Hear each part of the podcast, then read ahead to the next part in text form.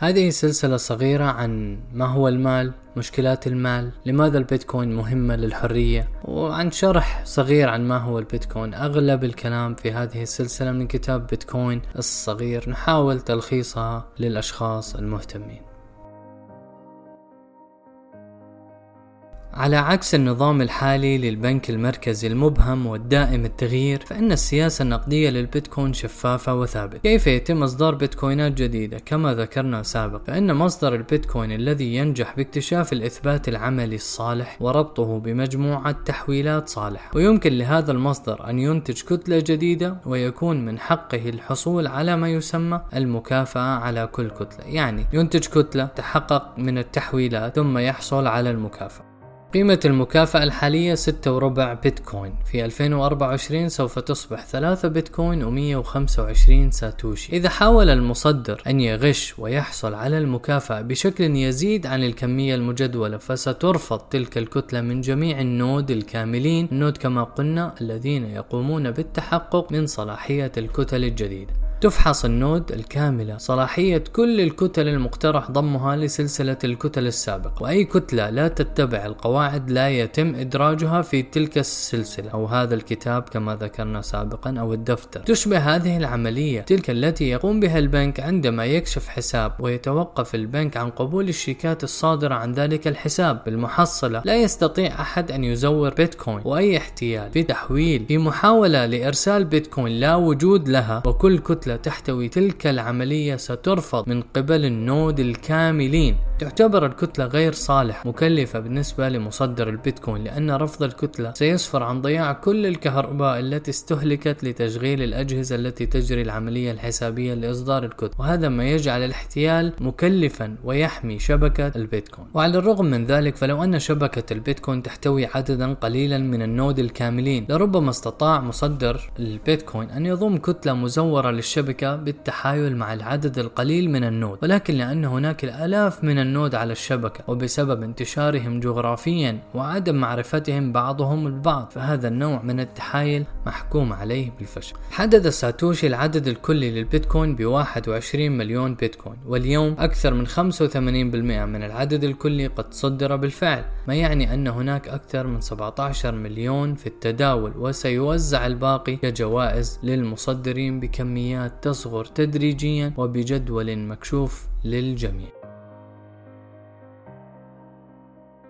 كرر العديد نجاح ابتكار ساتوشي. وهناك استراتيجية شائعة وهي أخذ نظام كتل دفتر الأستاذ الخاص ببيتكوين وتطبيقه على استخدامات أخرى. ومنذ 2014 حاولت العديد من الشركات المعروفة استخدام البلوك تشين في مختلف المجالات وأنفقوا الملايين في هذه المحاولات وقد أدى ذلك لإحداث لإحداث ضجيج ولفت انتباه وسائل الإعلام حول تقنية البلوك تشين لكن ولسوء الحظ فإن أغلب هذه المحاولات حتى الآن أشبه باستخدام الرافعة للتسوق. فالرافعة تعمل بشكل فعال في نطاق استخداماتها الأصلية. في حالتنا حفظ دفتر الأستاذ من استخدامه في عملة غير مركزية لكنها تصبح بطيئة للغاية غاية مهدرة ودون داعي وغير قابلة للتطبيق في استخدامات أخرى مثل الرعاية الصحية على بلوك تشين تتبع الفواكه على بلوك تشين حفظ حالة الطقس على بلوك تشين. يحتوي البيتكوين على أربعة عناصر رئيسية والبلوك تشين واحد منها. الأول هو أن البيتكوين أصل رقمي نادر والثاني أن البيتكوين شبكة واحد لواحد أو peer to peer من ال node الكاملة التي لا يمكن إغلاقها أو حجبها والثالث أن إصدار البيتكوين يتطلب إثبات عملي رقمي صالح ما يجعل الغش مكلفا للغاية. والرابع أن البيتكوين يحتوي بلوك تشين متاحا للعموم بشكل كامل وقابلة للتدقيق وهذه التقنيات الأربعة متصلة بشكل وثيق وعندما يتم فك واحدة ينتج شيء قليل الفائدة يمكن استخدام البلوك تشين في أصل رقمي خالص كالبيتكوين كسجل متاح للجميع. يتميز إنشاء البيتكوين وجميع عمليات التحويل بأنها مدونة بإتقان وليست عرضة للأخطاء لكن لا يوجد ضمان أن الأمور التي تستخدم في الحياة مثل حبات القهوة ملفات الرعاية الصحية غير معرضة للخطأ. وهناك احتمال وارد للخطأ أثناء إدخال المعلومات بسبب الإهمال أو حتى الخداع الصريح. وفي هذه الحالات يتوجب وجود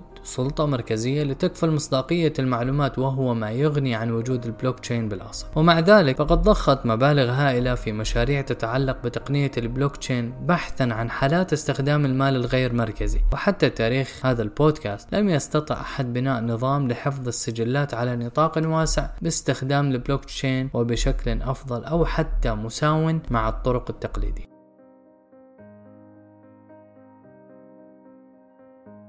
العملات المشفرة.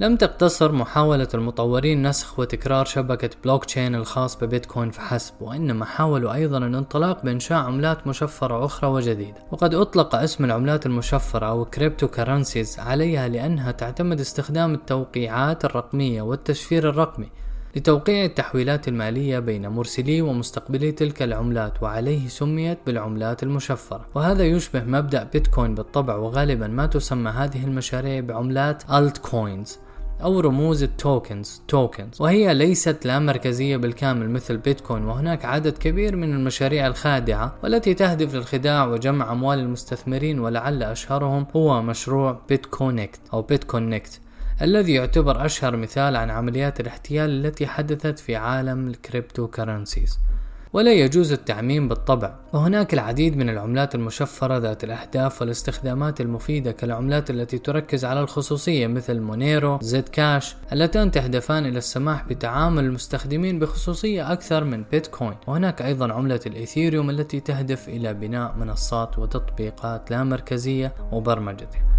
لا يقتصر الأمر على العملات المشفرة اللامركزية الحالية وإنما تقوم الشركات الكبرى أيضا باستكشاف تلك التقنية لعل أهم محاولات فيسبوك الحالية لإنشاء عملة رقمية باسم ليبرا إذا ما كان انتهى هذا المشروع التي قد تصبح مشروعا ناجحا نظرا إلى وجود مليارات البشر الذين يستخدمون فيسبوك وهنا تجدر بنا الإشارة إلى أن تلك المحاولة تعني أن عملة ليبرا أو فيسبوك ستكون مركزية ولا تشبه عملة بيتكوين في لا مركزيتها أو ندرتها عبر الزمن. على صعيد آخر، قامت عدة مجموعات من المطورين بمحاولة تقليد نجاح ساتوشي والبيتكوين بشكل فج، وأنشأت مشاريع وعملات مشفرة تحتوي أسماؤها ورموزها على كلمة بيتكوين وهي لا علاقة لها بالبيتكوين الأصلي. ولعل أشهرها حاليا بيتكوين كاش وبيتكوين جولد وبيتكوين إس في. إذا أردنا أن نلخص ما سبق البيتكوين طفرة هندسية عميقة تقدم بديلا جديدا للنظام الحالي المالي. البيتكوين نقود رقمية يسهل تداولها في جميع أنحاء العالم نظرا لإمكانية سدادها في دقائق بدلا من أيام. البيتكوين إحدى الأصول النادرة التي تحمي من خطر التضخم التعسف. البيتكوين غير مركزية مما يمنع أي شخص من إخضاع المدفوعات للرقابة كما البنوك. البيتكوين هو المال المال اللامركزي الرقمي النادر الوحيد في العالم لدى البيتكوين إمكانية قلب النظام النقدي الحالي. والله أعلم.